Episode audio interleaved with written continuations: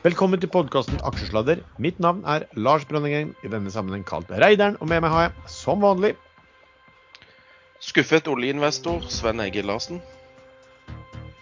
Hvorfor er det min tur? Uh, Erlend Henriksen, Jallakongen. Direkte fra Rakfiskfestivalen. Og det syns jeg allerede du bærer litt preg av. Så da, siden du virker veldig oppadgående akkurat nå, så kan du jo ta disclaimeren vår. Ja, I dag må dere i hvert fall ikke finne på å gjøre som dere tror jeg sier, for jeg er enda mer enn de to, uansvarlig enn de to andre. Vi gir ingen råd dersom du hører på hva vi sier her om markedet, aksjer, enkeltaksjer og livet for øvrig. Ansvaret helt og holdent ditt eget. Det kan forekomme feil i det vi sier i programmet.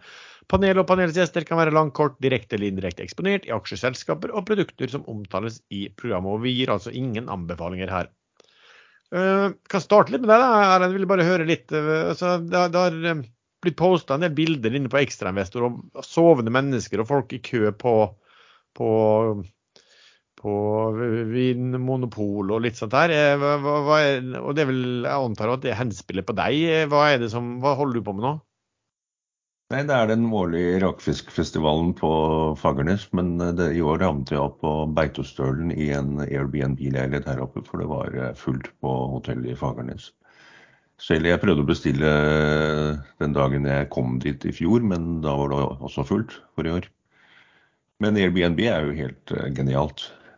Under 6000 kroner for en leilighet med plass til seks, og, altså seks personer. Og og alle fasiliteter midt i smørøyet. Dessverre, holdt jeg på å si, for da fant vi selvfølgelig baren i går kveld som var oppe til tre i natt. Altså. Ja, ja. Men kommer du til en rakfiskfestival rak ja, der går det busser. Shuttlebusser. Å oh, ja. OK. Så du kommer deg dit, liksom? De har vel Uber oppe i, i dalen, har de ikke det? Det blir nok noe sånn pitstop underveis, så, men vi, vi, må jo ned dit. Det, rakfisk er faktisk fantastisk godt. OK, ehm, skal vi starte med det vanlige. Altså, Sven, nå har det vært en, eh, en, fantastisk eh, oppgang egentlig i oktober. Og november, etter en knapp uke, den har jo starta også veldig bra på Oslo Børs. Eh, hva har du holdt på med? Jeg har ergra meg grønn over å ha bomma i Longboat Energy i uh, UK. Og hva skjedde der? Jeg bare hørte på lydene, så tassa litt i bakgrunnen der. Så jeg bare lurte på hva det var. Ja, nei, Det er eh, elskeren min som lager kaffe til seg og elskerinnen. Han blir borte nå. Ja, jeg, jeg, jeg, kan snakke litt om, om eh, denne longbåten eh, litt senere, eh, og hva som skjedde der. Og så ta med jeg har betta på et nytt eh, borehull i, i, eh, nede i Sør-Afrika. Så da tar vi den litt senere. Ellers så, har jeg, så kom det en melding i denne her Nordic Nanovektor i går som jeg ikke skjønte bæret av, men aksjen steg opp over 1,40. Og da, da, bare solgte jeg de aksjene jeg hadde der, og det ble jo en prosentvis og kronemessig hyggelig reise på kort, kort varsel.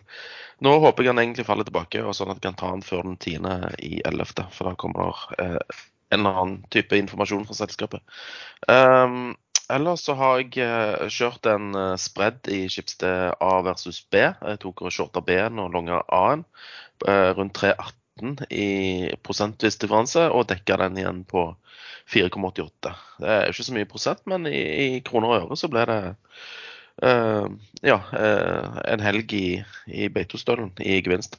Så greit å ha med seg. Um, Helg kun overnatting eller full pakke? For én person eh, så hadde det vel vært eh, full pakke. Men, eh, men, for tre personer så hadde det ikke holdt. Nei, ellers har jeg gjort um, kjøpt litt aksjer i denne Africa Energy og Eco Atlantic på, på forventning om uh, gull i, i hull hvis det er lov å si. Uh, og så har jeg uh, solgt litt Norse uh, Atlantic. Virker tunge, disse her flyaksjene for tiden. og Norse trenger kanskje å hente penger, så da begynte jeg å bli litt skeptisk der. Um, ellers har jeg trada en del sånn korte trades som jeg ikke helt husker. Erlend, hva har du holdt på med? Det var akkurat det jeg tenkte jeg skulle prøve å se om jeg klarte å huske. når må jeg jukse litt. Men gå inn på handler siste uke. Uh, ja, nei, jeg fikk ikke til det. Men uansett, nå, akkurat nå eier jeg kun Calera borti USA. Det der kålhodeselskapet, salathodeselskapet som, som kom på Growth og ble med på en stack i USA. Uh, kan du forklare hvorfor etterpå? Ja, jeg solgte siste rest av SAS i går, etter å ha vært med på en ganske fantastisk opptur på nesten 20% på noen dager. I, det er jo dette morsomme med vakuum som som pleier å oppstå i chapter 11 case og andre case som skal restruktureres.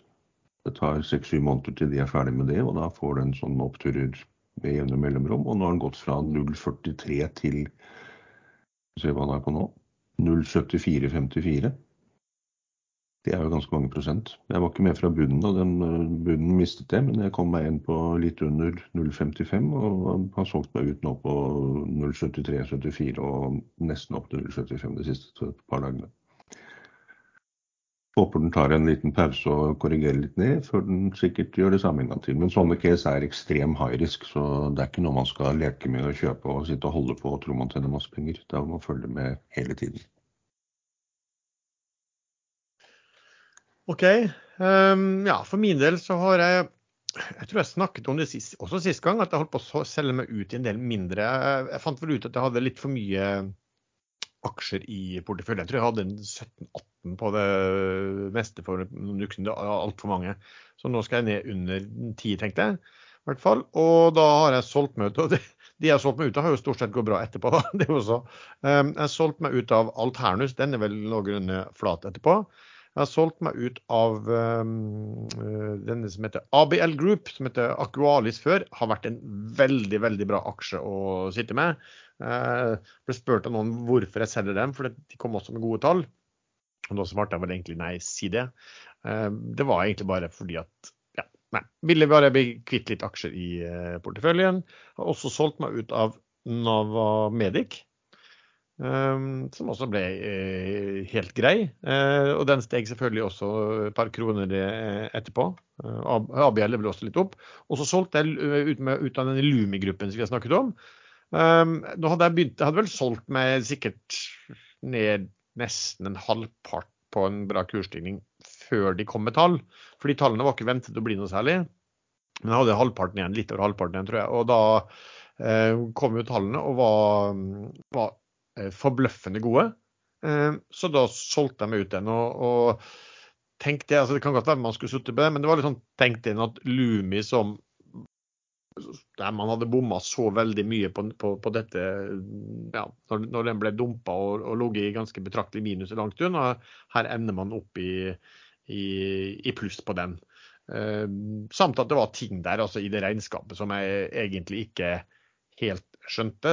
Det var forbløffende høye inntekter i forhold til hva de har guida, og forbløffende godt resultat. Og så viste det seg jo da, når man begynte å sjekke litt, at det var en del ekstraordinært der på på de tallene som, som, som selskapet kanskje godt, ikke hadde forklart godt nok. I hvert fall. Sånn at de, de tallene skal hva skal, du si, skal du finne en, en, ordinær drift på det, så burde det korrigeres ganske, eh, ganske kraftig. Men, eh, men, det er i hvert fall god grunn etter de tallene til å bli mer optimistisk for, uh, for Lumi. Det er ikke noe, det ikke noe tvil om. Jeg har vel også solgt noe Peace og så har jeg solgt to tredjedeler av mine Nordic Nanovektor. For de steg jo opp i går på den CD36 som jeg heller ikke skjønte en pip av. Så jeg solgte jeg to tredjedeler av det når den begynte å touche opp mot 1,50. I nano, eller i uh, farmaselskap som kommer med meldinger med um, fine bokstaver og navnkombinasjoner som man ikke skjønner en dritt av, så skal man selge. Ja. men det, disse har jo egentlig meldt oppbud eh, på en måte når det gjelder dette her eh, farmasegmentet sitt. Så de har jo egentlig gitt opp, og så plutselig kommer det en sånn melding, og aksjen går bananas. Jeg sier ja takk. Takk for det. Ja, den gikk jo ikke banan. Hvor mye gikk den opp? En 10-15% eller sånn? må ha jo sett verre fra det også, men jeg, jeg skjønte heller ingenting. CD37, liksom. Hva, hva er da CD36? Altså, det var en på Ekstrainvestor som posta en sånn wiki til meg for jeg skulle skjønne hva CD37 var for noe, men jeg skjønte absolutt ingenting av det heller. Sånn er det på biotek. Nei, men Det betyr vel at egentlig så kan den teknologien deres kanskje brukes til noen av, uh, med, av noen som har penger og, og lyst til å, å, Dette var jo fase én-opplegg. Det er jo tidlig fase. Resultater. Eh, ellers så satt jeg jo også i, da, i Valaris og koste meg, fordi at den bare steg og steg og steg og steg. Og, og er jo det min desidert største. Den var jo nesten oppe og toucha, nesten opp på 70. De kom med tall, og der var tallene bedre enn forventa. Og den toucha vel 69 um, i, i, i pre-trade på veldig lavt volum. Eh, men så hadde de en conference call hvor de, eh, hvor de vel antyda at Q4 Eh, til gjengjeld ble noe dårligere enn hva folk eh, hadde ventet, så da falt den tilbake eh, ganske kraftig faktisk i løpet av et par dager. Sammen med en del annet i og for seg oljeservice. Da. Så da var ikke det var jo ikke like mye hurra på det, men den er vel nå omtrent tilbake igjen hvor den var på forrige fredag, tenker jeg. Så, så jeg sitter jo godt med den. Nå har det begynt å bli litt aktivitet innenfor uh, emisjonsområdet. Få høre hva som er på gang på de, for ulike selskap. Nei, Jeg glemte jo å si at jeg hadde vært med i to emisjoner i løpet av uken. Uh, um, eller én emisjon og et nedsalg er vel mer uh, korrekt. Aker Solutions solgte halvparten av Nei. Den norske stat ved Næringsdepartementet solgte halvparten av sine aksjer i Aker Solutions til kurs 39 30 eh, i et nedsalg gjort via en del meglerhus. Jeg ble med der. Fikk 6000 aksjer, altså en um, tildeling på rundt 24-25 um, Aksjekursen uh, starta 38,60. Jeg solgte de på 39, tok 30 år tap, og så at den egentlig bare var ganske svak i løpet av dagen. Og det er litt merkelig i og med at det var så ekstremt stor interesse i, i, i selve nedsalget. Så, men uh, folk vil ikke ha likevel. Kan det ha noe å gjøre med at den aksjen kanskje har hatt litt premium fordi Røkke og Aker Solutions har hatt så gode kontakter til regjeringen eh, i alle år? Og nå tyder vel en del på at regjeringen Vestre i Næringsdepartementet solgte litt i, i ergrelse, sinne over at han flytter til Sveits? Jeg burde ikke vært i sinne, for aksjekursutviklingen i uh, Aker Solutions har jo vært formidabel. Så de tok vel egentlig bare gevinst. og Det, det kan jo vitne om at eh, ja, Timingmessig så, uh, så, kan det jo kanskje være et signal til liksom, at uh, flytter du til Sveits og selger aksjene dine. jeg vet da søren, jeg. Jeg ser nå han er akkurat på 39,30 igjen, så da er han tilbake til nedsalgspris. ja, den andre, det var Kul. Cool Company. Eh, gassfrakt avspinneren fra Golar LNG. Eh, de gjorde en emisjon og et nedsalg fra Golar. Eh, jeg var med der. Kursen ble 130, ganske bra rabatt i forhold til uh, closing dagen før, som var på 142, tror jeg. Et eller annet. 142 et eller annet. Um, fikk bare tildeling på rundt 7,5% Altså tegner du for en million, så fikk du aksjer for 75 000. Um, jeg solgte de med fem kroner i gevinst på 135, så det gjorde opp for tapet, det lille tapet i Aker Solutions. Ellers er det jo uh, en uh, emisjon som pågår, en retta emisjon som pågår i Flyr til ett øre aksjen. Uh, den kan vi sikkert snakke om litt senere. Der, den er åpen til tirsdag, eller til og med tirsdag. og jeg snakka med en megler i går i Carnegie som kunne si at dette var litt tung å sette, selv til ett øre. Så ja. Eh, kom der, så kom det en melding fra Hyn. Ja, nå må jeg holde tunga rett i munnen. Var det Hynion eller Hyon? Hynion. ja, det skjer hver gang. Ja, eh, de skulle, eh, de skulle gjøre en eh, tegningsrettsemisjon der eh, du kjøper såkalte units, eh, som består av tre aksjer og en warrant. Eh, aksjene får du kjøpe på 70 øre, warranten har en strike på 75 øre, og én aksje fra før gir deg rett til å kjøpe en sånn unit. ganske bra rabatt i forhold til kurs som nå er 1,36, ned 25% Ja, det var vel de. Eh, jeg føler jeg har glemt en. Ja, altså Det foregår vel et eller annet, jeg vet ikke om du har gjort, i den der KMC Properties? Ja, den var, den var, litt rar. Eller den er ikke rar, da. Dette er en varsla emisjon, for de har kjøpt alle bygningene til dette Bevi. De som driver med sånne fiskekasser og, og sånne emballasjegreier til, ja. til, fiskenæringen. Så de har vel kjøpt alle eiendommene deres mer eller mindre til milliardbeløp. Og dette skulle finansieres ved en uh, retta emisjon på 8 kroner aksjen. Aksjen er under 7 kroner nå, og, men den er garantert av selger, altså Bevi. Så de får jo uh, Altså, de selger eiendommer med oppgjør i aksjer, for å si det kort. Så der, der ble jeg Jeg gadd ikke å betale 8 kroner i en emisjon når du kan få aksjen under 7 kroner. Så der sa til og med jeg nei takk. ja, det var godt å høre det. Ja. Ja, nei, det var vel dagens, eller ukens uh, emisjoner. Har det vært noen sånne eh, nedsalg, eller, eller ja, staten nevnte det, men det har vært noen eller debutanter på børsen en uke her? Ikke som jeg husker. Eh, men du vet hva, da kan vi jo vi, Du nevnte jo Flyr, da. Eh, da kan vi jo snakke litt om den. Kan ikke du bare dra igjennom hva er, hva er liksom caset på, på eh, det Flyr nå i desperasjon, må vi si, jobber med? Nei, men dette kan vår flyanalytiker bedre enn noen andre. Han er jo inn og ut av disse flyaksjene på daglig basis.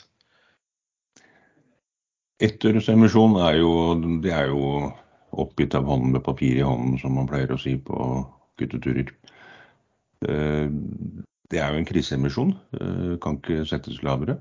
Men den kan tredes lavere. Der må folk holde tunga litt rett i munnen, for den kan tredes helt ned til til 1% av ett øre, i og med at det er fire desimaler etter komma. Så det er nesten å be om å miste pengene sine og tegne seg en sånn emisjon hvis den blir fulltegnet. Eh, den skal også spleises slik etterpå, så alt av vakuum-case eh, kan man bare glemme. Eh, den startet på Kursen var vel over den var på 12 øre etter at etterhusemisjonen ble satt, og ble tredje på 12 øre en hel dag. og Det er tolv ganger emisjonskursen. og Nå er den på 8,08-tallet. 8-øretallet. Men det er jo altfor mye fremdeles. Eh, og dette, nå skal det være ekstraordinær generalforsamling sikkert som skal godkjenne den ettøresemisjonen hvis de klarer å sette den. Det tar lang tid før aksjene kommer, men eh, hvis den ikke klarer å settes, så er det galskap å være inne i den nå, for da kommer det melding om at vi de fikk det ikke til, og selskapet er konk. Men hør litt bare, Jeg skal bare nevne en ting som, som slår meg som er veldig rart. For Det de satser på, det er å hente inn 430 millioner, ikke sant? Ja. Eh, jeg har ikke sett at det står at noe skal konverteres. Jeg går bare inn her og så ser jeg på hva dette selskapet har i bokført egenkapital for de kom jo med tall nylig for Q3. Og de har minus 450 millioner kroner i bokført egenkapital. Så hvordan kan man hente inn altså Hvis du henter inn 430 millioner til det selskapet der, da, basert på enden av Q, så har de fortsatt negativ egenkapital. Og jeg, og jeg tviler vel på at de tjener noe penger for tiden heller. De driver på kreditors regning allerede nå. Det er nesten som man mistenker at de henter inn eh, såpass mye for å komme seg eh, ut av eventuelle problemer eh, ved en konkurs. For da er det jo styret som er ansvarlig for å ha drevet på kreditors regning. Altså, jeg så jo da, jeg vet ikke hva han sitter vel, ja, Sannsynligvis sitter han kanskje i styret. Erik Bråten, som jo er største eier der. Han har vel noe selskap som heter Ojada, som han eier 8% Han vil vel stille opp da med 10 millioner kroner hvis den emisjonen blir satt. Og Det er jo bare, er jo bare 2% av beløpet, da, mens han eier 8 fra før. Så selv han da, som en styrer vil jo ikke gå inn med noe i nærheten av å opprettholde sin egen eh, eierandel. Nei, men til hans forsvar da, så har han sagt, eh, jeg tror han har sagt eh, offentlig òg tidligere at han skal bruke 100 millioner på dette for å få dette opp og gå eh, av sine egne midler. Eh, og Han har brukt 90 til nå, og da har han bare 10 igjen å gå på, ifølge han selv. Og det er, jo, det er jo fint å ha en sånn stopplås. Ellers kunne han jo sikkert ruinert seg på, på å, å støtte dette her videre.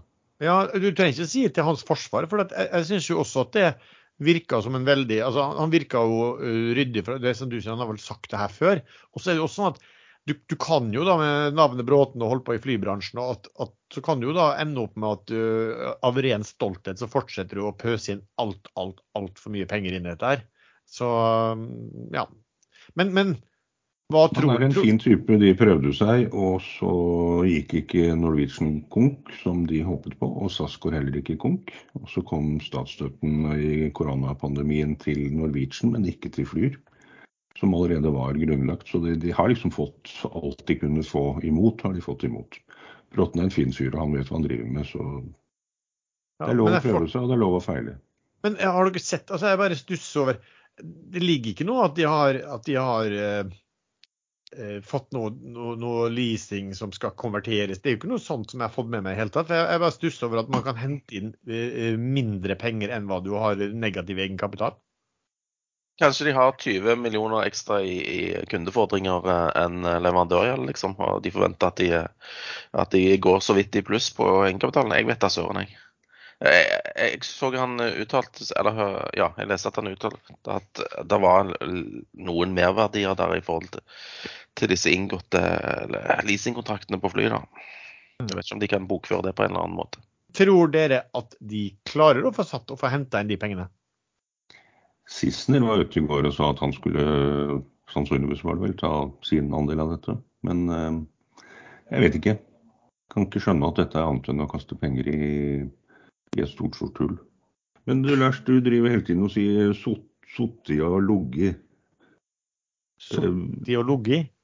Ja, når du har sittet i den aksjen og lugget, kursen har ligget flat. og Barn på dine trakter må jo bruke vesentlig lengre tid på å lære seg eh, både å snakke og skrive og lese når eh, Dere burde egentlig få litt sånn statsstøtte, tilskudd. Tilskudd for uh, vanskelig læring.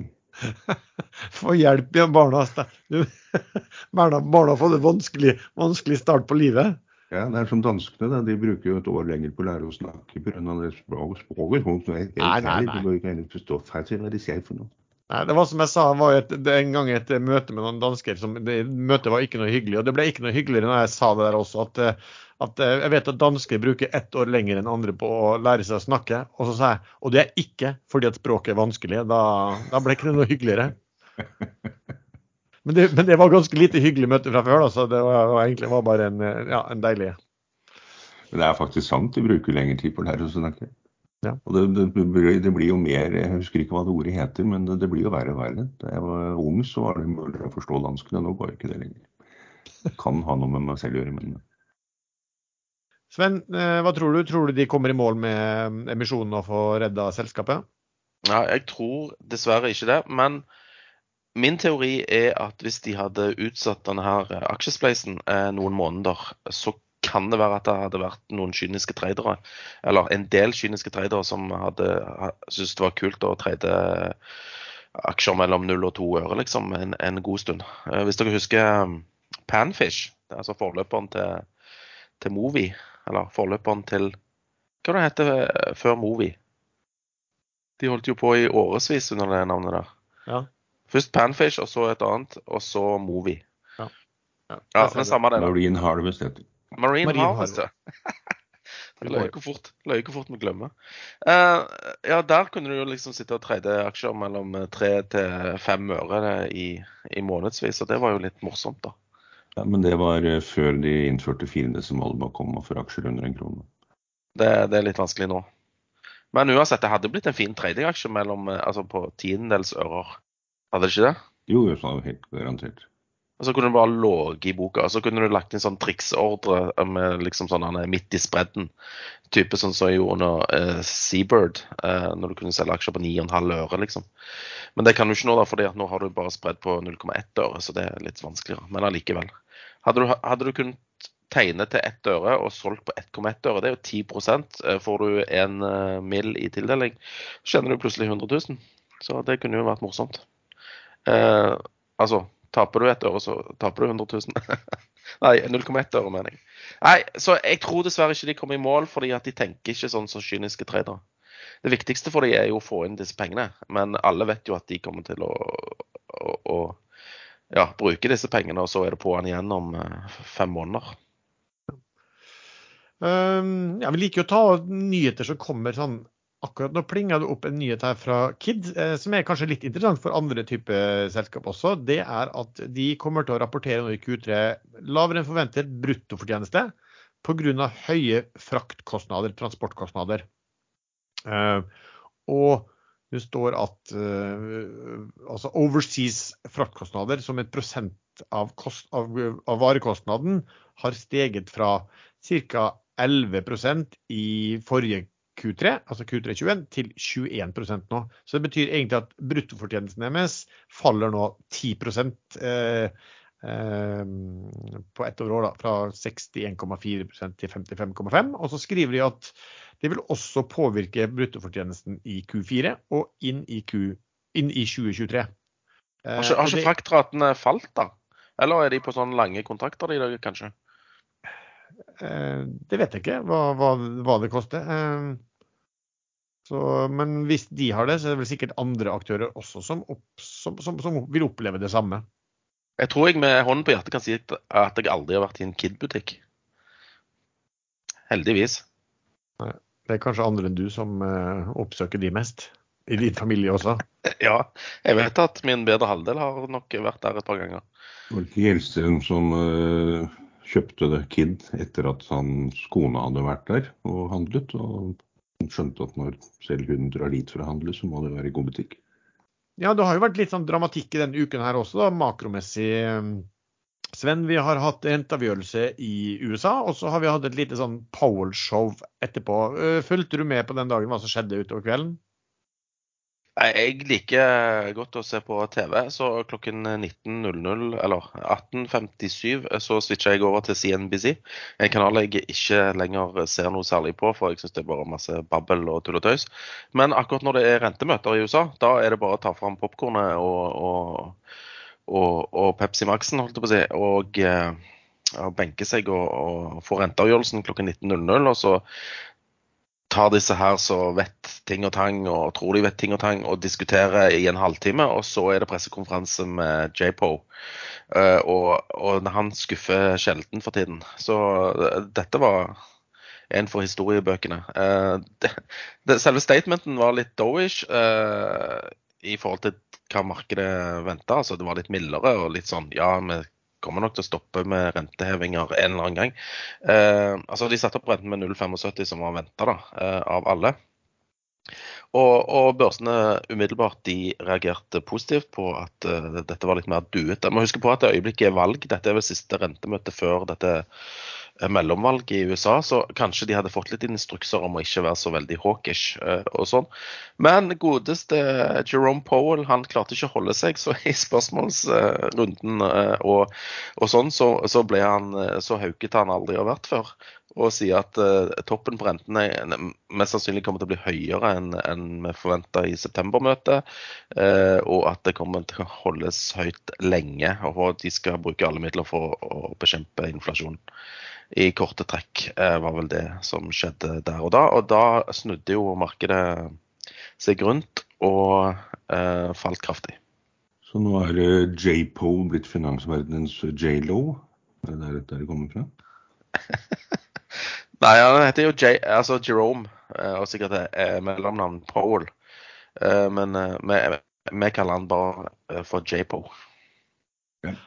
Det som var, var litt morsomt, da, fordi at han fikk jo et spørsmål av den godeste Powell under pressekonferansen. der, som, der Det var en som sa liksom, at ja, nå, nå, nå har kommet med avgjørelsen og den pressemeldingen. Og så, det, og, og så ser vi at uh, markedet tar veldig godt imot det. liksom For aksjemarkedet stiger og, og, rentemarkedet og sånn. Og da, da han begynt å svare på, på og ting. Så, så, det var noen som sa at, liksom, at når han fant ut der at, at, aksjemarkedet gikk opp på dette her, da, da han fram, uh, tok han fram det arket hvor han uh, hadde mm, kommentarene som, som, som, som kunne øk, økse ned markedet. Jeg tror egentlig han visste hvor dette var, fordi at uh, han var noen uh, et halvt minutt forsinka. Han pleier alltid å være på tiden uh, til pressekonferansen, var det en av disse på CNBC som sa. Han er litt late. Så han måtte kanskje skrive ned noen ekstra setninger. For det, det, det de er så redd for, er jo at blant befolkningen så skal det sette seg en oppfatning om at, rent, at inflasjonen blir høy over lang tid. Eh, og hvis det gjør det, så, så, vil alle agere som om de kommer til å bli det, og da blir det det på en måte. Det blir sånn selvoppfyllende hvis alle skal ja.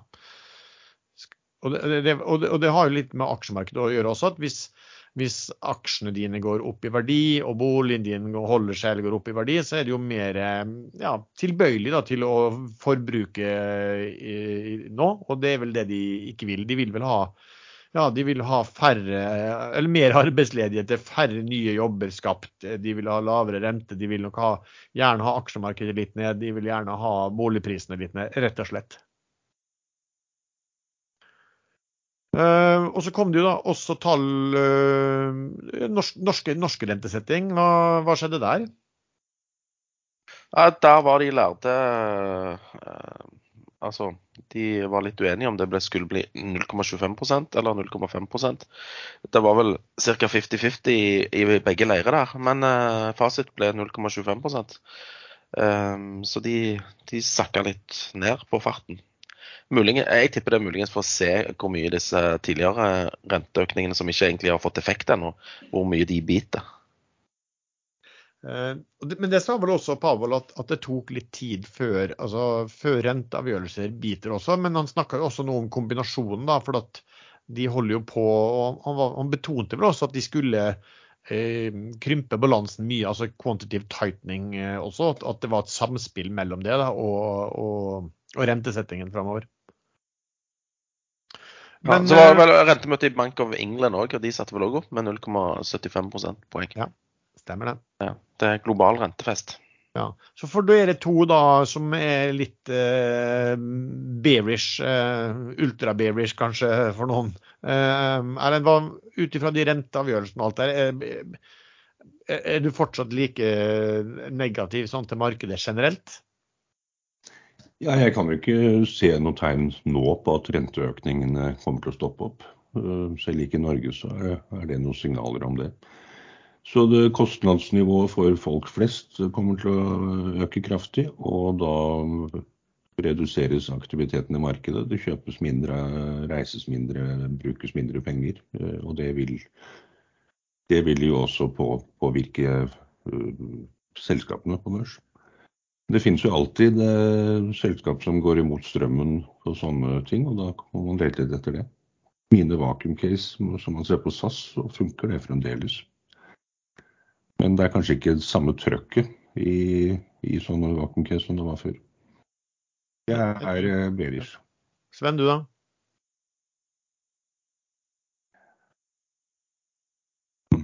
Så fort har Sven aldri sovna før når jeg har snakket. Nei.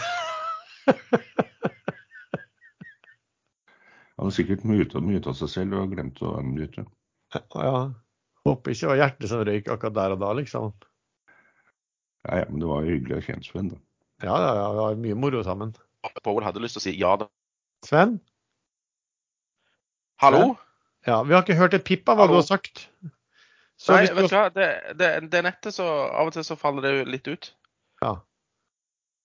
Bare, bare fortell du hva du har lyst til å si. Så jeg sa ingenting. Bare, jeg prøvde å liksom si hallo, men uh, ah, ja. det var ingen som svarte i andre enden. Nei, men jeg hørte det veldig godt. Mer ja. Merkelig opplegg. Spørsmålet var om etter det, det, som du ser sånn makromessig, om du er like bear generelt sett på markedet, eller om du begynner å bli litt mer positiv, eller hva? Jeg er vel egentlig litt mer bearish på økonomien, altså makroøkonomien, enn selve aksjemarkedet. fordi at eh, aksjemarkedet skal jo ligge i forkant. Så Nei, altså nå bør det jo være åpenbart for uh, de aller fleste at det kommer en uh, global resesjon. Uh, hvor dyp han blir, det er jo det som blir spørsmålet framover. Så hvis vi klarer å finne ut av det, så ja, jeg, jeg, har bestemt meg bare for å flytte med. Oi, oi, jeg må bare bryte inn her. Det, du har havna i avisa, Lars. Full krangel om Lumi-regnskap. Investor Lars Brandeggen raser mot privatskoleselskapet Lumis inntektsføring, og mener at regnskapet er blåst opp med 11 millioner. Hva faen? Hvor står det igjen? Finansavisen. raser? Ja, du raser. Fint bilde var det òg. Nå må du lage sånn ekstra hengelås på døra, Lars, for det kommer noen med balltre snart og knuser knærskoene dine. Du må bare se, se, i kanalen der, så er det noen som har linka inn i, på tradingchatten. da. Du raser, rett og slett. Ja. Du, så, jeg syns du snakket eh, relativt nøytralt om dette her nå, i podkast i hvert fall. Ja, sånn er det. Vi har, vi har snakket en del om uh, Philly Shipyard, som er dominert eller Aker er da største eier. og De kom jo med en eh, kjempekontrakt nå. Jeg registrerte at du først du spurte da, Sven, var om jeg var inne fortsatt som aksjonær. Hva, hva tenkte du på da? Det er ingenting som smerter meg mer enn at du tjener penger og jeg ikke gjør det. Det er noe av det verste som finnes i hele verden. Det er på linje med eh, sånne koriander. Jeg liker ille. Ja. Så det var kun misunnelse. Men eh, jeg, jeg blir kun misunnelig når du tjener penger og jeg ikke tjener penger. Når du taper penger, så bryr jeg meg ikke så noe særlig. Eh, Jeg blir ikke glad når du taper penger. Du, du syns ikke synd på meg heller? Ja, det gjør det. Eh, Nei, jeg syns ikke synd på deg, for da har du jo gjort noe dumt. Da er, jo din, e- da er det som regel din egen feil. Nei, men jeg, jeg, jeg blir ikke glad Altså, du skjønner hva jeg mener. Jeg blir ikke glad når du taper masse penger. Men, men jeg syns jo det er kjekt å kunne gi deg noen stikk. Selv- Selvfølgelig. Altså bare Eh. liksom strø sånn salt i såret. Ja. Men hva var det hva var det som skjedde med den eh, Altså, hva, hva var det Philly eh, meldte, og, og hvorfor fikk vi ikke den der store kurseffekten vi ellers har fått når de har meldt om sånne kjempekontrakter? Nei, Philly de holder jo på å bygge sånne skoleskip for den amerikanske marinen eh, for øyeblikket. Eh, og så fikk de en kjempekontrakt med dette her Matson-rederiet, som skal bygge tre sånne containerbåter eh, basert på LNG-drift.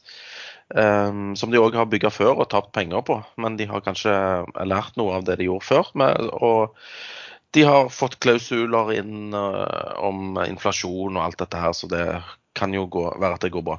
Men uh, ordren var jo på 1 milliard dollar, altså over 10 milliarder kroner. Og hadde det ikke vært for at de kom med tall eh, dagen etterpå, eller på morgenen dagen etterpå, fordi at denne kontrakten kom på kvelden eh, før, så tror jeg den aksjen hadde dundra opp. Men så kommer de med regnskapet sitt som viser at de taper penger for øyeblikket. Og ganske mye òg, og bruttomargin og hele dritten er, er, er rødt som, som eh, nesen til Rudolf, hvis det er lov å si. Nei, eh, men du kan dette caset bedre enn meg, og det var derfor jeg frykta når jeg så kontrakten at du hadde masse aksjer her eh, fortsatt. Men noe du heldigvis ikke hadde. Nei, det men er det, det hadde, jo ofte sånn at når det kommer sånne kontrakter dagen før kvartalstall, så, så lukter det litt uh, ugler i mosen. Ja, altså um Det var faktisk noen tegn på så, så du kan si Jeg kanskje sovet litt i timene. For det var noen tegn på at de, de kunne kommet til å få noen sånne, i hvert fall kontrakt på noen skip. For de, de har vært bygd containerskip for det samme rederiet før. Og så var det noen artikler om at de var nå ute i markedet og skulle bestille dette her. Så, så det kunne man, eh, kunne Ja, man Tra tenke- tenke seg. Tradewinds hadde en artikkel eh, 20.10 som sa at uh, Madsen skal bestille for 1 milliard dollar. Og så viste de bilde av uh, det forrige skipet de bygde hos uh, Philly da, i artikkelen. Så hadde vi kunnet slå én og én sammen, så hadde vi fått to. Men det ble jo ikke sånn superfest hvis du da ikke solgte på Open. Nei, altså i går da så steg Den var Den var faktisk flat i går. Den åpna opp eh, Den var vel på det åpna opp sånn nesten 20% opp og endte opp i null og, og litt ned i dag. Men det der har jo sammenheng med at for, for at de hadde meldt det på kvelden før, og så gleda alle seg til en stor oppgang. Men så, så, så kom det jo også med tall for Q3, og de tallene var jo skrekkelige.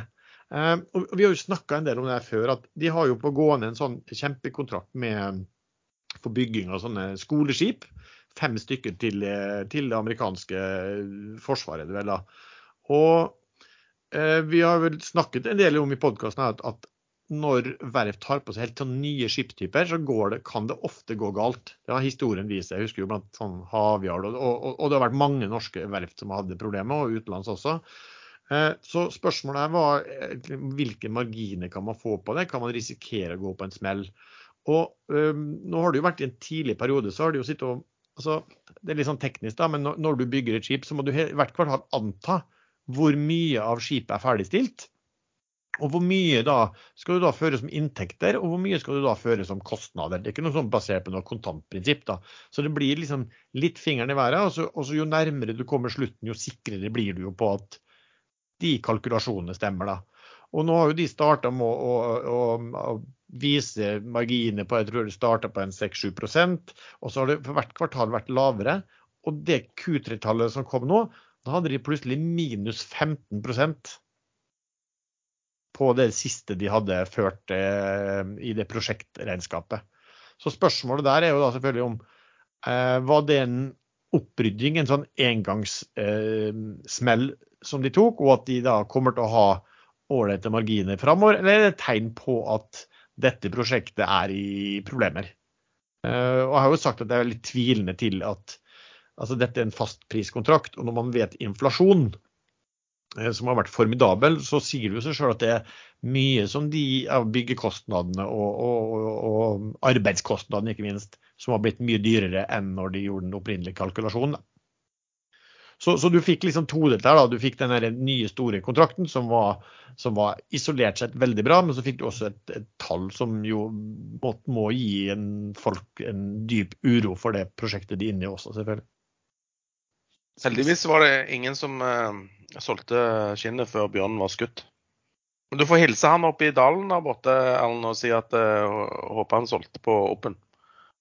Da måtte jeg un unmute meg igjen, for han eh, hytte-Airbnb-leilighetssamboeren min driver og lager kaffe til oss alle tre. Så det har vært masse lyder Men jeg har fått med meg alt dere sier. Det er fin den mutefunksjonen. Hvorfor har dere ikke minnet meg på den før? Nei, si det. Jeg skal da på middag her oppe, rakfiskmiddag med han, eh, han oppe i dalen her.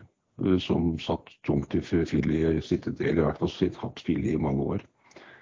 Han klarer jo ikke å selge når kursen stiger, så han blir med helt opp, og så blir han med helt ned igjen hver gang. Og Se på humøret hans i morgen hvor, hva han har gjort. Nå er jo kursen på 48,9. Du sa vel egentlig at du skulle kjøpe den eh, når han falt tilbake på 40-tallet igjen? Og så, ja, trodde du, trodde, så trodde du at den båten hadde gått, og så nå kommer båten rett tilbake? Ja, jeg skrev vel at nå, må jeg vente tre år til før den kommer ned på 40-tallet. Men det gikk fort. Det tok to, tre, ti, tre, timer. ja. Jeg forsto på deg at du hadde hatt en sånn uheldig eh, båreopplevelse. Og det var jo ikke hos tannlegen? Nei, jeg skulle til å si det samme. Det var ikke hos tannlegen. Eh, kan Nei. du fortelle hva som, hva som skjedde? Og, ja. Ja, jeg har jo eh, tidvis snakka varmt om et uh, oljeselskap uh, som er egentlig basert ut fra Stavanger, som heter Longboat Energy. De er notert på børsen i UK. dette er folk som kommer fra tidligere Faroe, Færø Petroleum, som ble kjøpt av DNO.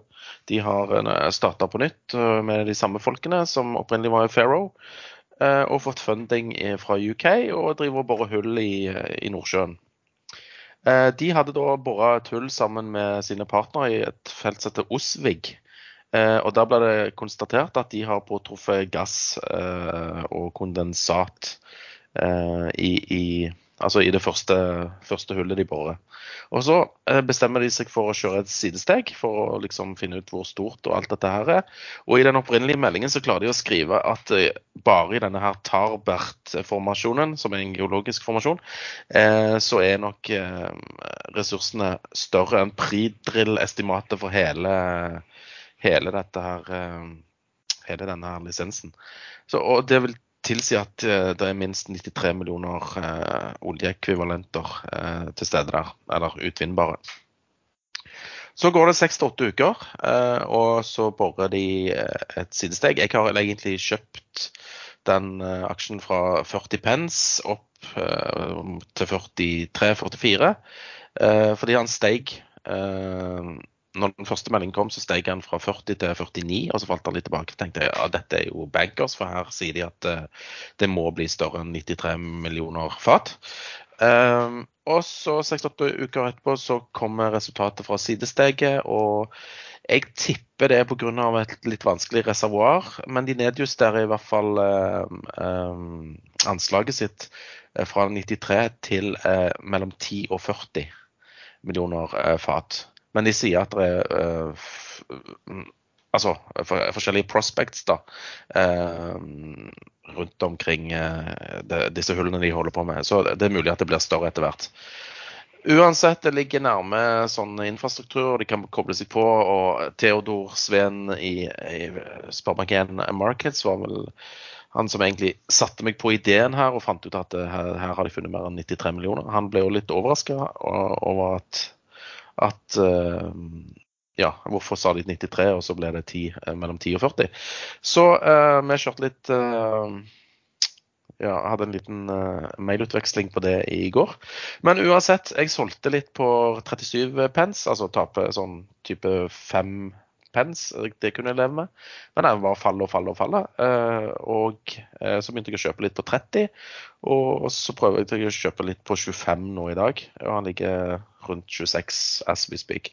Så merkelig utvikling. Men jeg, jeg, hadde jo veldig lyst til å bare hamre disse aksjene ut i går, fordi at ja, vi kan ikke tro på det dere skriver, liksom. Eh, men det er jo menneskelig å gjøre feil, og de kan jo ha tatt feil. De har vel kanskje ikke visst noe om reservoarkvaliteten. Uansett, da. Jeg ble med eh, på en kjempebom der. Eh, men jeg syns jo at fallet er noe overdrevent. Når, egentlig, når første melding kommer, så går han fra 40 til 49. Og når da eh, Jeg skulle jo trodd at det var liksom 40 i et gulv, men nei da det var vel kanskje litt forventninger om at de faktisk skulle finne noe in the first place. Men tenker du ikke at det, det illustrerer jo også den store faren ved å sitte over sånne våre resultater. da, at det kan slå. Vi husker vi, vi satt i den der Petrolia også, som jo meldte om det. At først hadde de eh, spor etter hydrokarboner når de sånn foreløpig, og så meldte de at det likevel var det ja, minimalt. For en ja, men stor, stor forskjell her var jo at de allerede hadde estimert funnstørrelsen. Og det gjorde ikke Petrolia. De sa bare det var spor av hydrokarboner. Her mente de jo at det er minimum 93 eh, millioner fat. Så jeg tok jo det for god fisk. Så jeg følte jo at oddsen eh, var på min side. Men det var han altså ikke. Så jeg tror det er derfor folk blir bare så skuffa at de bare hamra ut aksjer eh, det de kunne i går, og fortsatt egentlig i dag. Men jeg er kjøper her nede på midten av 20-tallet. Det er uansett kjipt å være med på, da, fordi jeg føler jeg har gjort riktig, ting riktig, og så ble det feil likevel. Er det ikke litt sånn og, og, og greit å forklare at eh, for du som tredje, det er litt name of the game det også, at av og til så sitter du i aksjer hvor det kan komme uheldige meldinger. Av og til kan det komme litt sånn tilfeldig som, fra, som lyder fra klart himmel, eller det kan komme positive. Det er litt, sånn, litt name of the game når, man, når du holder på i noen år. Du, det er vel ikke første gang at du har opplevd at det kommer noe sånn, noe, noe lignende? Nei, nei, det, det, det skjer fra tid til annen. Et annet, eh, et annet godt eksempel var denne her Union forsikring. Eh, der du liksom du vet at du får 15 eh, kroner fra Sparebank1 fordi de har kjøpt selskapet. Du kjøper på 14, tror alt er god fisk, og så er det regnskapsrot eller tull og juks som noen har kokt bøkene. Du vet ikke at det skal skje, liksom. Du må jo stole på at regnskapene er riktige. Og her i dette tilfellet så stolte jeg på at de estimatene selskapet sjøl gikk ut med, var, var, korrekte. Og at de hadde nok data for å fastslå dette. Men så kommer det ting som er uforutsett, som gjør at du taper penger likevel. Tatt ikke så mye penger, da. Jeg tjente jo vel egentlig mer penger på denne her uh, Hva var det jeg traff på her i begynnelsen av uken? Nordic Nano Nei, det var jo i går du traff på Nordic Nanovekt. Nei, ja, men det var noe annet. Som jeg pitcha som et case i forrige sending. Jo, jo, jo. Var jeg Royal Salmon. Jo, Vi hadde jo en uh, gjennomgang på den uh, forrige uke. Ja. Du måtte forklare meg, liksom. Og så sa jeg jeg har kjøpt NRS, for den har falt så mye. og kjøpte den på 127 og 124.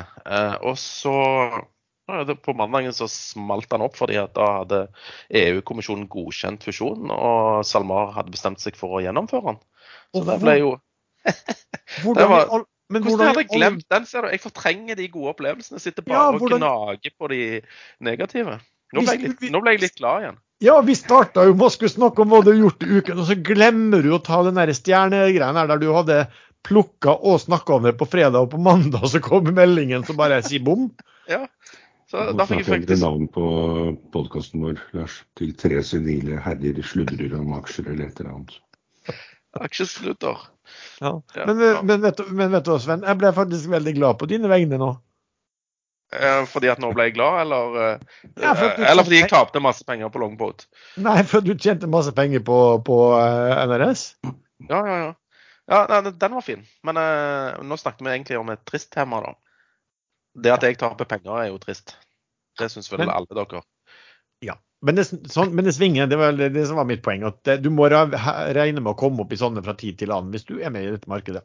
Ja, det, det er veldig sant. Og altså, du tror du har Altså, du har to S på hånden, og så er det en som sitter med to toere, og så får han en tredje toer eh, på, på river. Altså hvis du spiller poker, så skjønner dere hva jeg mener. Ja. Og så taper du likevel. Vi har fått en del spørsmål da fra eh, lyttere. Faktisk mye bra spørsmål inn. Um, en del til deg, Sven, rundt trading. Um, kan du forklare hva over the day order betyr? Det er egentlig ganske selvforklarende. Det er en, eh, en eh, ordre som eh, skal gjøres eh, gjennom dagen. Altså du mater inn i en algo og sier at dette kan du gjøre i løpet av eh, dagen. Eh, og så Den er litt, litt artig, da, fordi at hvis du da ikke har fått gjort det du skal før auksjonen, så gjør han resten i auksjonen. Av volumet ja. i ordren. Um, annet spørsmål på li likeartet tema. Eh, hva betyr dark pool order? Det er jo uh, forskjellige dark pools uh, som uh, opererer på forskjellige børser. Altså dette er volum du ikke ser, det er store ordre. Det blir lagt inn av primært institusjoner. Legger du en dark pool-ordre, så vil den kun lete i disse darkpoolene etter volumet ditt. Den vil ikke gå på de vanlige børsene og MTF-ene. Kun i darkpools. Mm. Og den siste på der er hva betyr smart order routing? Eh, det er et produkt som eh, i hvert fall Pareto tilbyr, og det er jeg veldig glad for. Fordi at de har linka seg opp ikke kun mot eh, Oslo Børs, men òg alle MTF-ene som handler norske aksjer. En MTF er en sånn multilateral uh, trading-plattform som er en slags virtuell børs. Så de, de søker å finne beste priser på kryss og tvers av disse her, ikke bare på Oslo Børs. Sånn at du får en bedre pris. Ja. Um, og så du kan få en til uh, også, Sven. Um, som er også litt interessant der. hvordan uh, Har du liksom noen anbefaling om hvordan folk kan bruke uh, algoritmehandel?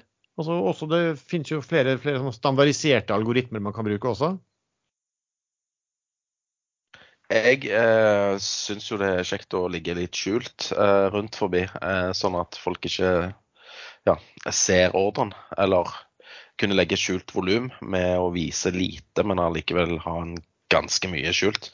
Eh, og, og, der har eh, Infront, som jeg faktisk må kjefte litt på, de har uh, hatt et veldig ustabilt produkt den siste tiden, for å si det mildt. Men uh, de har uh, sammen med Pareto Incorporate en del algoritmer uh, som aktive tradere og privatpersoner og sånn som meg kan bruke. Uh, for å ligge for å, jeg holdt på å si, Ikke lure markedet, men for å lure litt i litt andre ja, investorer. Altså til å ligge skjult og til å liksom uh, Ja, ikke vise fulle, hele sannheten i ordrebildet, hvis det er lov å si. Ehm, Bergen Carbon Solutions har vi snakket om, og den har jo rekulert med noen og 20 uh, siden onsdag. Ehm, og det ser vel ut til, mange mistenker vel at det kom et stort kryss uh, i går på, på 13 kroner et par millioner aksjer, og mange trodde at det kanskje var de siste aksjene som Sagat var de som solgte seg ut da. Og Det kan i hvert fall tyde på aktiviteten etterpå, at da var det en kanskje en, en større eier som var, aktør som var ferdig å selge. Erlend, hva tenker du om hvordan Saga og, og har solgt seg ned eh, i Bergen Carbon Solutions, og om Bergen Carbon Solutions da, veien videre? Akkurat, akkurat, det med hvordan de selger seg ned, det, det spurte jeg faktisk Bjørn Simonsen om i den spesialepisoden vi hadde om hydrogen i sin tid. Eh, hvordan Saga skal komme seg ut av relativt illikvide aksjer hvis de føler at investeringen er feil, eller velger å eller investere i noe annet. Eh, og da var det Han beskrev vel det sånn cirka på samme måte, at da, da selger de bare til det er ferdig. Jeg husker ikke om han sa det direkte, men det er jo helt åpenbart det de har gjort nå. Men da er jo spørsmålet hvorfor gjør Saga det? Worst case så, er, eh, så funker ikke teknologien til eh, Bergen Carbon Solutions, så jeg holder meg litt unna den aksjen. Men eventuelt kan det også bli et, eh, et eventyr. De, de, virker som de i hvert fall har intensjonsavtaler med veldig interessante aktører. Hva det blir ut av, det vet jeg ikke. Men det er i hvert fall sånn at de som da var våken og litt aggressive, og som eh, kastet seg inn og tok når det kom det krysset i går, de har jo fort gjort eh, ja, en drøye tre kroner per aksje på, på kort tid. Ja, det er mange prosent, så det er all ære til de som klarer det. Men eventyr ender jo ikke alltid godt. Det hender jo at noen blir både spist og kappet hodet av. og så man skal være litt forsiktig når det kommer sånne signaler. Her er en annen uh, interessant sånn spørsmål. Det er hvordan uh, skal man unngå å gjøre type, sånn vanlig tradingfeil? F.eks. holde i en aksje selv om alle tegn du ser, egentlig roper selg til deg.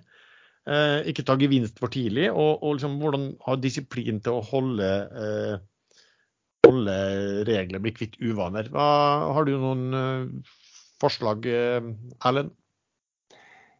Ja, jeg brukte mange år på å lære meg det å ofte gjøre motsatt av det, det jeg sitter og føler når jeg ser på en kurs. Så hvis jeg får veldig lyst til å kjøpe noe som stiger, så skal man stort sett ikke gjøre det. Eh, det er det som kalles FOMO, fair of missing out. Så hiver man seg inn, og da gjør man det gjerne på toppen. Og motsatt, hvis en uh, aksje faller og faller og man ikke ser noen god, god, god, noen god grunn til det egentlig, så, så, så, er det ofte da man skal kjøpe. Men det å ta tap, det har eh, spart meg og veldig mange andre som jeg kaller gode investorer for mye penger. Evne å ta tap, det er viktig. Det første tapet er gjerne det minste tapet. Det blir verre etter hvert. Bare se på Flyr. Det var jo Eh, stor handel i den aksjen på langt over fem kroner. Og så kom det litt sånn signaler her og der. Og Norwegian konka ikke, de begynte å gjøre det bra. Og da De som solgte på over fem kroner, kan jo prise lykkelig, for nå er jo kursen 99,5% under der, der, den var, vel. Sitte og holde og holde på noe som alt tyder på at skal ned, det, det er ikke smart. Ferdig snakka. Nei, men det også. Men, men Sven, hva tenker du på hvordan, eh, hvordan gjør du altså, hvor, Klarer du alltid å, å, å hive ut aksjer når, når, det kommer dårlige nyheter, og, eller at det, det, kommer tegn som gjør at det er kanskje ikke er så bra som du hadde håpa på? Der er jeg ganske flink, faktisk. Eh, å bare selge. Og bare kvitte meg med dritten. Mm. Men å ta, å ta, gevinst for tidlig og ikke ta gevinst for tidlig Du bruker jo å klage litt på at det, det du ikke er så flink på, er at du, du tar gevinst litt for tidlig. Hva er det du sier? Eh, litt for tidlig. Kjempelenge for tidlig. Nei, eh, ja, det, det, er en uvane. Men det er litt sånn forskjellige typer selskap. Ta et uh, oljeselskap som ikke har produksjon, som gjør et kjempefunn. Uh, da er det jo veldig mange som hiver seg inn og kjøper etter at det funnet er annonsert. Eh, proffene som allerede satt i aksjene, de selger gjerne på sånne meldinger. Og Grunnen er ganske enkel at eh, det tar lang tid, eh, opptil mange år, før det kommer inntekter fra et sånt funn. Og et sånt funn vil nødvendigvis produsere store kostnader. Det skal jo lages mye før man får opp oljen. brukes mye penger, og det blir emisjoner og det blir det ene og det andre. Så, så det er sånn det er ikke nødvendigvis positivt for kursen at et selskap øh, oppdager noe som gjør at de kommer til å tjene mye penger langt inn, fram i tid. Det er, det er, jo positivt. Det er jo positivt for kursen. Jo, men jeg satt i dette øh, African Oil øh, AOC. African Oil African, African Energy, mener du? Energy, ja. Ja. Før de fant det første funnet nede i Sør-Afrika. Og da kjøpte jeg meg inn helt ned på 1,40-tallet, og så gikk kursen til 3,70 eller noe sånt, etter at den hadde jobbet seg opp på forventninger. Og stakk opp en 60-70 eller noe sånt prosent den dagen funnet ble meldt. Og jeg ble jo kjempeglad og tenkte at nå skal den sikkert opp 60-70 til, eller enda mer. Men den, startet på topp og falt deretter. Så jeg, var jo, jeg solgte jo ikke før den var nede på totallet igjen. så så det var mange prosent som forsvant der på å ha forventninger til noe som proffene i markedet skjønner at det er ikke sånn det funker. Mm. Altså det jeg kan si på er at Proffene og proffene eh, proffene, er Han som har sendt i dette spørsmålet, som, som kanskje sjøl følte at han eh, gjorde noe feil av og til. Proffene gjør veldig mye av de feilene her. Også personlig kan jeg si at jeg har akkurat lært alt her. Det eneste jeg kan si som en sånn triks, det hvis du holder i en aksje som du sitter og holder på, og kanskje du begynner å bli litt urolig, og kanskje alle tegn roper et selg. Altså Det er så lett å bli sittende og holde på en. for at du vet, Man lider jo av sånn confirmation bias. da, at uh, Det som er positivt, det vektlegger du, og det som er negativt med, med posisjonen din, det forsøker du å dytte til side og ikke legge så mye vekt på. Men en som jeg har opplevd som er, som er ganske bra, bra, det er å hvis det er i hvert fall såpass likvid, den aksjen er såpass likvid at du, at du ganske enkelt kan selge den uten å flytte noe særlig på kursen, så kan du jo f.eks. da selge aksjen på fredag. Så kan du tenke deg om i helgen om du har faktisk lyst å kjøpe den tilbake. Og, og det er jo sannsynligvis har ikke den kursen flytta seg veldig mye den ene eller andre veien da fra fredag til lørdag, fra fredag til mandag. Da får du noen dager på å tenke på det. Nesten eh, hver eneste gang jeg har gjort noe sånt, jeg har solgt og så tenkt at ok, nå kan jeg tenke om, har jeg egentlig, har jeg egentlig lyst til å kjøpe den? For hvis, du, for hvis du egentlig ikke har lyst til å kjøpe den igjen, da har du jo egentlig ikke lyst på posisjon. Og nesten hver gang så er det en sånn befrielse, og da blir man litt mer klar i tanken, og så ender man over på at dette har man ikke lyst til å eie. Nei. Så det kan jo være en, en, en måte å gjøre det på. Man gjør det veldig enkelt eh, når Sven eh, er med på en aksje som plutselig stikker opp, og han skriver at nå er jeg solgt, så er det bare å kjøpe, og Sven selger, selger altfor tidlig. Sånn som i går, når jeg solgte denne nanovekteren på 1,47,7, så skulle du da kjøpt eh, de aksjene? Ellen? Den, den fulgte jeg ikke med på. Nei, der ser du. Den er 1,39 nå, da. Ja, Unntaket som bekrefter regelen må vi alltid ha. Skal vi se flere spørsmål. Um, jeg tror vi har vært inne på det før, men vi kan godt gjenta det. Hva, Sven, hva tenker vi om, om uh, rettede emisjoner? Altså hvorfor gjøres vi det, og finnes det ikke bedre metoder? De gjøres for å kunne hente penger på uh, kort tid. Um, Tegningsrettsemisjoner varer uh, ukevis, si, i hvert fall to uker. Og her klarer du å få gjort det på en kveld, hvis du da ikke er et, et flyselskap som heter Flyr. De må bruke mange dager på en retta emisjon. Uh, nei, jeg tror ikke det er noen bedre måte å gjøre det på. Jeg tror dette er en veldig genial uh, og grei form å hente penger raskt på. Du, du, som regel så gjør du en reparasjonsemisjon sånn at uh, de som da ikke er med på den retta, har muligheten til å kunne delta likevel. Og uh, så kommer disse greiene og sier at de blir alltid kansellert fordi at kursen alltid faller under emisjonskursen din retta. Så nå har jeg egentlig sagt det for deg da, Erlend. Ja, takk skal du ha. Det er alltid skal man jo ikke si. Nei, det er et farlig ord. Det kommer litt an på hva selskapet trenger av penger. Hvis det er en ganske betydelig reparasjonsemisjon og de får inn noen titalls millioner, så, så har de ikke lyst til å kansellere. Men eh, det tar tid, disse reparasjonsemisjonene. Det, det, er sjelden positivt for aksjonærene når det meldes, for kursen blir jo liggende i, i limbo i ukevis. Ja, men det har jo også litt med lovgivning å gjøre også. at eh, altså, Loven sier jo at det skal være fortrinnsrett ved tegning. Det er jo liksom det som gjelder i, i allmennaksjeloven. Og så kan du da en generalforsamling beslutte at den skal fravikes. Men samtidig så har du jo altså lovgivning i forhold til hvordan du skal gjøre type placement, altså emisjoner, som eh, egentlig er til ulempe mot eh, aksjonærene og, og fortrinn. Og Det er derfor du får det der at det, det, det, blir, tar, går, det, går, raskere, rett og slett. da. Om det finnes bedre metoder, det vet jeg ikke. Man kunne jo også alltid tenkt seg at hvorfor ikke bare en auksjonsprosess som lå åpent, men det er ikke sikkert at det ville eh, fungere, og at de store, tunge aktørene som ofte tar mye emisjoner, at de ville vært med på det. Det, det vet jeg ikke. Men det går i hvert fall ikke an å klage på at man blir utvannet eh, hvis kursen falt under emisjonskursen, og man ikke da kjøper seg opp til eh, eierandelen man hadde. Da blir det litt teit. Erlend, hva bør aksjonærer da gjøre i Doff? For der, der er det vel en slags dommens dag om eh, en uke. Jeg mener at det er den neste fredag hvor de skal eh, stemme over restruktureringsforslaget. Nei, nå, jo, nå, er det vel et uh, nytt uh, møte med uh, båndholderne 7.11, det vil vel si på tirsdag. Hvor de da mer eller mindre skal stadfeste det de har gått ut med. At aksjonærene får tilbud om 4% nå. Så har de sagt at hvis det blir nedstemt, så får de tilbud om 1 ved neste generalforsamling. Og hvis det blir nedstemt, så blir det konkurs. Da tar kreditorene alt. Jeg tror man skal lytte til det som blir sagt her. Det er mange drømmer og mange rare meninger om hvordan Doff har behandlet aksjonærene sine, men markedet har ikke vært så veldig enkelt. Og hvis aksjonærene blir sittende igjen med 4 så, så er faktisk dagens kurs sannsynligvis relativt OK, på sånn rundt 0,60.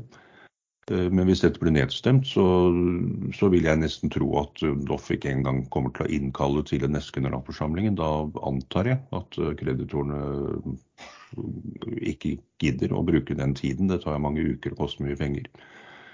Så da går det til skifteretten allerede etter generalforsamlingen 11.11, hvis eh, det blir nedstemt, tror jeg. Så ja, eh, spørsmål helt konkret. Eh, ikke stem mot den avtalen. La den bli gjennomført. Er, man skal ikke gråte opp og spilt melk. Dette har pågått i flere år, forhandlinger med kreditorene. Markedet har tatt seg opp, men rentene har også gått kraftig opp. Så det overskuddet som bedre marked har gitt Doff og Soff og alle disse andre selskapene det siste, det har blitt spist opp av renteøkningene. Så det, det er ikke så rosenrødt som, som noen later til å tro. Lars, du må gå inn på finansavisen.no nå. Du er toppsak. Investor raser, nå er det full krangel. Det blir bare bedre og bedre, dette her. Men uh, Lumi-kursen er jo nå på uh, high of day etter at dette begynte å komme. Så det er tydelig at all reklame er uh, god reklame. Er det investor som raser, er det jeg som raser, eller er det Ja, det, nå er det full krangel, ja. OK. Jeg visste ikke det var så mye krangel med det, altså. Nei, kursen har faktisk falt litt nå de siste timene eller halvannen. Hva da? Lumi-kursen. Ja, altså, men jeg mener jo at egentlig så bør ikke det ha noe med altså, hvordan du periodiserer det. Det har ikke noe med, med, med, med framtiden å gjøre. sånn sett. Problemet er bare at de som trodde at det selskapet resultatet nå var så fantastisk, eh, de burde vite at eh, det var ting som gjorde at eh, det ikke var så fantastisk reelt sett, og at den, den effekten vil ikke du få i de kommende, kommende, kvartalene. Så kan det godt være at det er veldig billig, og, det ser ut som det har gjort en veldig god jobb med å som sagt, kutte kostnader fremfor alt i det selskapet. Så, sånn er det. Fått spørsmål om hvorfor det er så stor rabatt i VVI. Det har vært litt oppstuss om det nå, kanskje fordi at den Valenius Wilhelmsen har gått så veldig mye opp. Svaret på det er vel at det har vært stor rabatt. Nå så har Pareto skrevet at den rabatten var rekordhøy, for den har ofte ligget mellom ja, 0,55 til 0,75 ganger Nav. Nå var den jo på 0,45 nå, mente Pareto.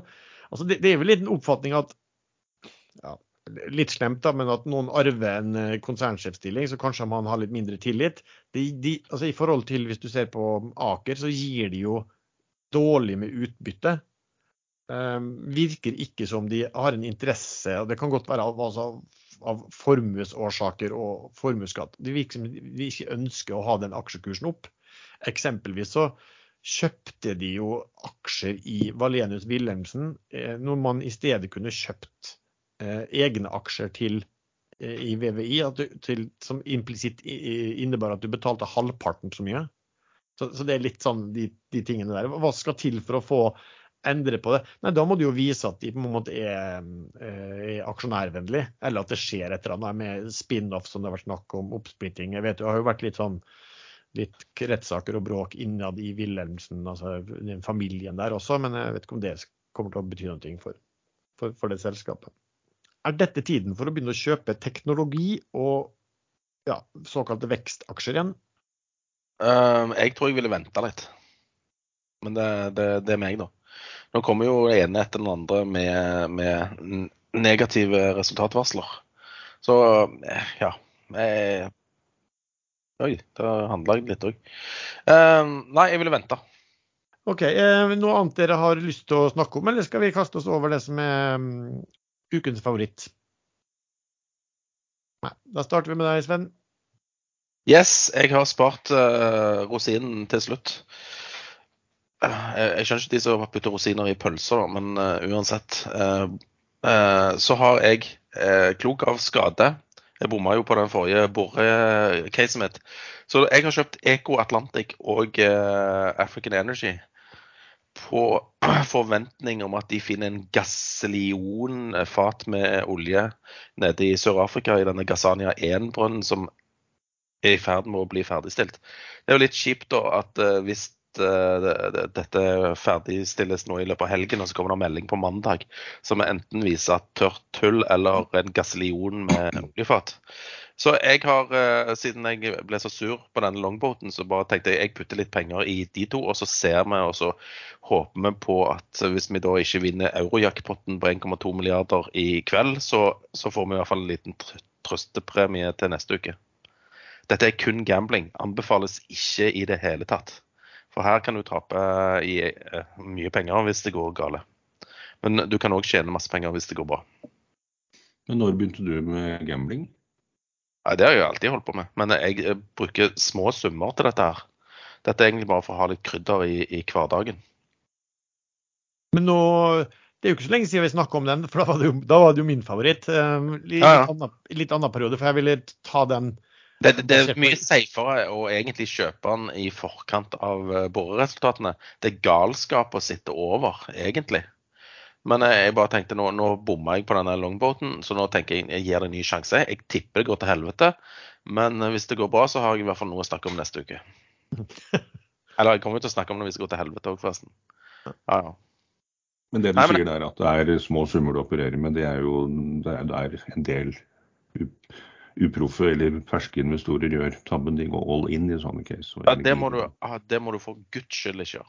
Men eh, den Eco Atlantic, den er hvis eh, de finner det de tror de skal finne, så kan den eh, ifølge analytiker tredoble seg. African Energy litt mindre, de har en mindre andel. Panoro òg er vel med her i, i denne brønnen, men de kommer det ikke til å slå noe særlig på kursen. Eh, altså, det er vel den det slår minst på av de selskapene som er med eh, på denne boringen. Men det, det, det er kun en lottokupong. Eh, Men Eco Atlantic har vel en del andre ting òg? Borti Det har de. Mellom-Amerika, Guyana eller Guinea eller hva det heter borti der. Eh, stemmer det. Men de eier vel 50% av denne her Gazania-brønnen. så hvis det da skulle eh, vise seg å være 300 millioner fat der, så ja. Da rettferdiggjør det en eh, kraftig oppgang. Men som du sa litt tidligere, så, tror jeg, så kommer jeg til å selge den oppgangen. Og jeg kommer ikke til å sitte i mange år og vente på at de skal få noe cashflow derfra. Hm. Og bommer de, så kommer jeg til å ta tapet som en, som en mann. Nei, du kommer til å ligge i fosterstilling, det tror vi ikke noe på. Ja, men Det er jo å ta tap som en mann, det å ligge i fosterstilling. Jeg kommer til å klage på alle andre enn en meg sjøl. Jeg kommer til å klage på analytikere i, i et meglerhus eller noe. Eller, jeg jeg kommer til å prøve å ta det som en mann, da, hvis det er lov å si. Erlend, har du noen favoritter for uken som kommer? Jeg, jeg solgte som sagt SAS. Jeg syns jeg ser tegn på at kursen har eh, toppet ut sånn for denne gang. Den har gått eh, faktisk eh, nesten 75 fra, fra bunnen på 43 øre. Eh, og det er jo det er jo ikke noen grunn til en oppgang annet enn etter vakuumteorien min. Eh, Det er få aksjer i selskapet per i dag. Alle intelligente har solgt seg ut. Eh, Svenske og danske stat og Wallenberg-konsernet de, de, de er ikke aktører som selger i sånne aksjer. De blir med skipet ned til bunns. Eh, Og DNB har kurs, et kursmål på, på fem øre i aksjen. Eh, Nå ligger kursen på 73,82. Så den, akkurat nå går den litt ned i dag, og jeg håper at det er eh, det jeg ser litt sånn på Da går jeg rent på sånn teknisk utvikling, at den har stang, stanger litt i taket nå. Eh, Men plutselig bryter den opp, og da går den kanskje dobbelt så herifra, eller kan til og med femdobbelt så herifra. Så lenge det ikke fins store selgere, og det er vanskelig å låne short i sånne aksjer, for det er så ekstremt fragmentert aksjonærmasse. Det er vel eh, de ti største eierne eier 55% og resten er fordelt på mikroaksjonærer. Eh, Og de store, norske stat og danske stat og Wallenberg, de låner nok ikke ut til short heller i det selskapet. Så, men det er ekstrem high risk. Men jeg håper nå at den korrigerer kanskje 50 eh, av oppgangen. Så at man kan vurdere den en gang til på, på rundt 0,50-55, hvor jeg tok den sist. Men det er eh, ikke noe i veien for at den kan falle til 10 eller 20 år heller. Så Så ja, high risk. Um, avventer det. Det jeg har tatt litt i, er denne Calera, dette salathodeselskapet, som måtte presisere i en børsmelding at det var antall salathoder de snakket om, og ikke, ikke millioner av dollar, var det vel. De har satt en emisjon i USA som skulle hente inn 6,8 eller 8,8 millioner dollar. Og den tok de lang tid på å sette. De prøvde seg først på vesentlig høyere kurs to-tre ganger, men kursen falt så langt begge gangene at de ikke klarte å sette den. Og nå lå kursen på rundt 0,7 når de satte den på 0,13 dollar, så 13 cent. Så den var nesten Emisjonen ble satt på nesten det dobbelte av kursen, men den emisjonen den er en sånn såkalt units-emisjon, hvor man tegner seg for x antall aksjer, og så får man x antall warrants, A og B-warrants, som kan innløses opptil fem år fram i tid. Så hva Calera egentlig har fått inn i cash, det trenger ikke være så mye. Jeg vil tro aksjene som er utdelt, de må betales med en gang. Nå skal vi se her, jeg hadde det akkurat oppe. Det er 50,6 millioner ordinary shares. Det har de nok fått inn, men 50 ganger 13, det er jo ikke mer enn 13 cent. Hvor mye blir dette? Det blir kanskje 5 millioner dollar, litt mer. Ja, 6. Men de har også opptil 138 millioner class A-warrants som kan hendes de neste fem, fem årene. Så der kan det komme inn penger, men det er jo en grei markedet til å tro at nå har de klart å hente inn alle disse pengene, men de har egentlig ikke hentet inn, nødvendigvis hentet inn. Det kommer an på om det blir innløst. Det som er spesielt er at det er utstedt pre-funded warrants. Og som jeg tolker SEC-meldingen, men jeg er åpen for at jeg kan ta feil, så har aktørene betalt 0,0001 dollar per, per pre-funded warrants. Og da blir man selvfølgelig redd for at disse skal hives ut i markedet, sånn at de som har tegnet disse gratisaksjene får tilbake noe av pengene sine. Men det er ikke mer enn 17 millioner av dem. Og da har jeg tenkt at 17 millioner det blir fort spist av markedet, og her har kjøperne tydeligvis lagt seg på rundt pluss minus 0,8 cent. Ikke 0,8 cent, men pluss minus 8 cent. Og da blir disse, hvis de er gratis, så blir de spist opp, og da tror jeg kursen kan stikke et stykke opp. Det er en sånn teknisk betraktning hvor den kom fra. Den ramla fra 20 cent og ned til 0, litt, litt under 0,7 på det verste. Men det er, det er som Sven sier, det er, det er ikke store summen. Så går det galt, så vipper jeg ut med tap. Og går det bra, så blir det plutselig to eller tredobling. Ja, ellers avventer jeg det meste nå. Jeg liker ikke markedet i det hele tatt, for å si det mildt. Ja, for min, altså det jeg tenkte jeg skulle bare nevne litt som jeg, litt, som jeg har sett litt på i det siste. Jeg har ikke kjøpt noe i den ennå, men den er faktisk litt oppå lista mi. Den er litt, litt interessant sånn analytisk. Det er Meta Platforms som fortsetter å falle i USA. Men det så bare på tallene. Det er et par sånne interessante tall der. Man, man syns de tallene er ganske dårlige, men det var ikke så altså Det faller en del på annonsebiten der. Bruken var vel egentlig ganske sånn stabil. Det, det som gjør at Meta faller nå, er at de bruker enorme beløp hvert kvartal på det som heter Reality Labs. Eh, og det, det, det, det, er den avdelingen som skal, liksom skal bygge opp dette her metaverse og komme med en sånn Oculus-briller Pro nå i 2003, eh, andre halvår 2003.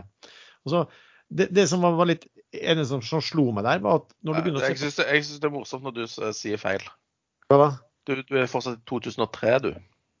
Å ja. 2023. Ja, det, sånn er det å gå i barndommen.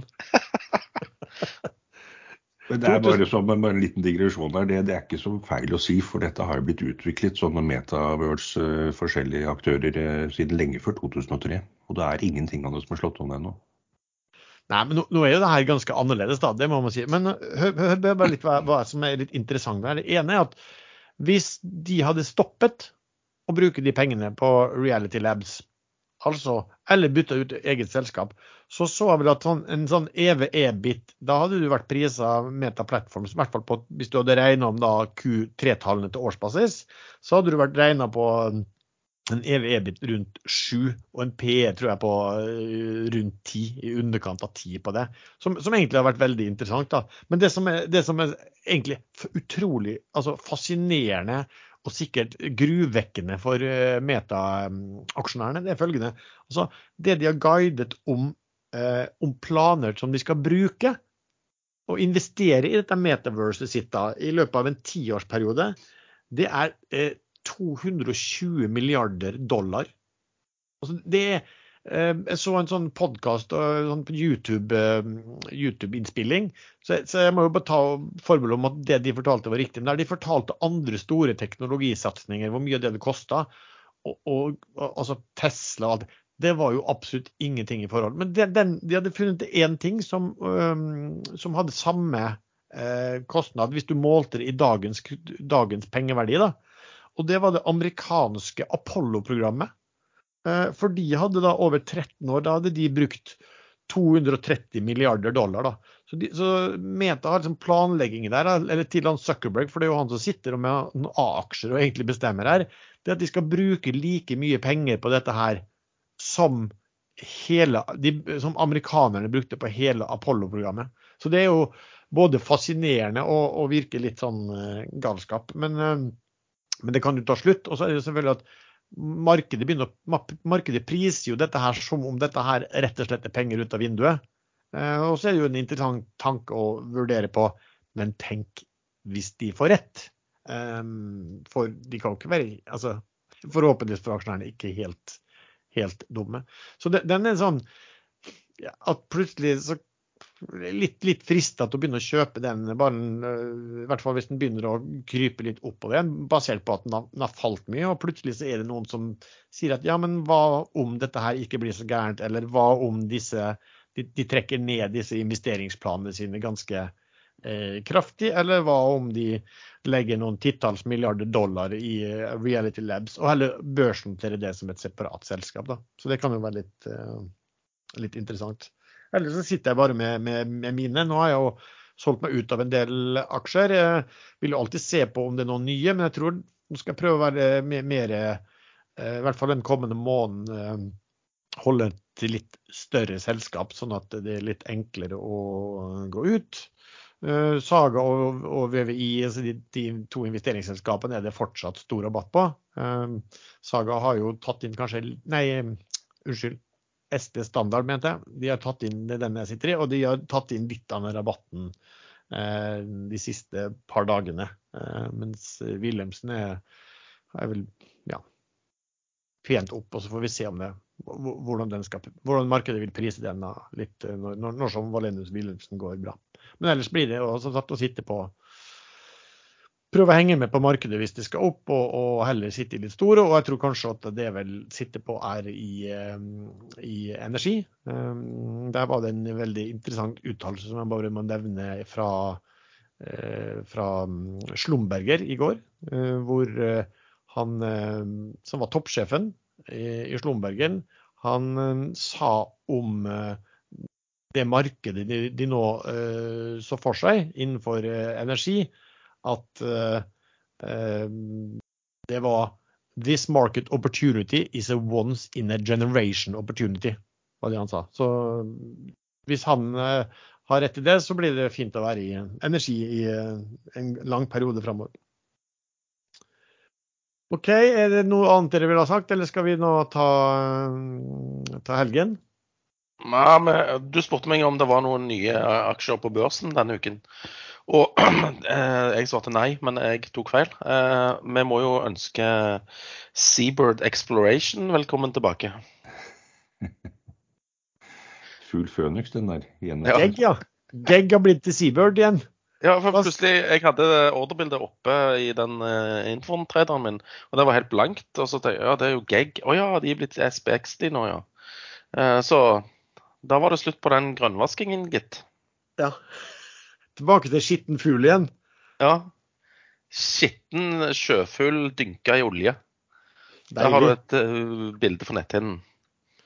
OK, eh, med den kommentaren så takker vi så mye til deg som har lyttet til denne episoden. Du treffer stadig eh, oss tre chattene inne på Ekstrainvestor. Vi har også en gruppe på, pod, på Facebook som heter podkasten Aksjesladder. Musikken er som vanlig laget av sjazz.com. Og hvis ikke redaktøren er slått i hjel av sinte Lumi-aksjonærer til neste gang, så høres vi snart igjen. Ta bare kneskålene dine, Lars. Ja, det er en trøst. Ja, for de, de tok ikke kontakt med deg, det avisen. De bare brukte det du skrev i nyhetsbrevet, sikkert. Uh, ja. Prøv, prøv å ikke lage to, to timer denne gangen, for det var litt lang den forrige. da. Måtte ta med litt av klaginga di, vet du. Ja. Du må ikke okay. klippe bort eh, dialektkommentaren min om logge og Soti. Nei, da er du gal.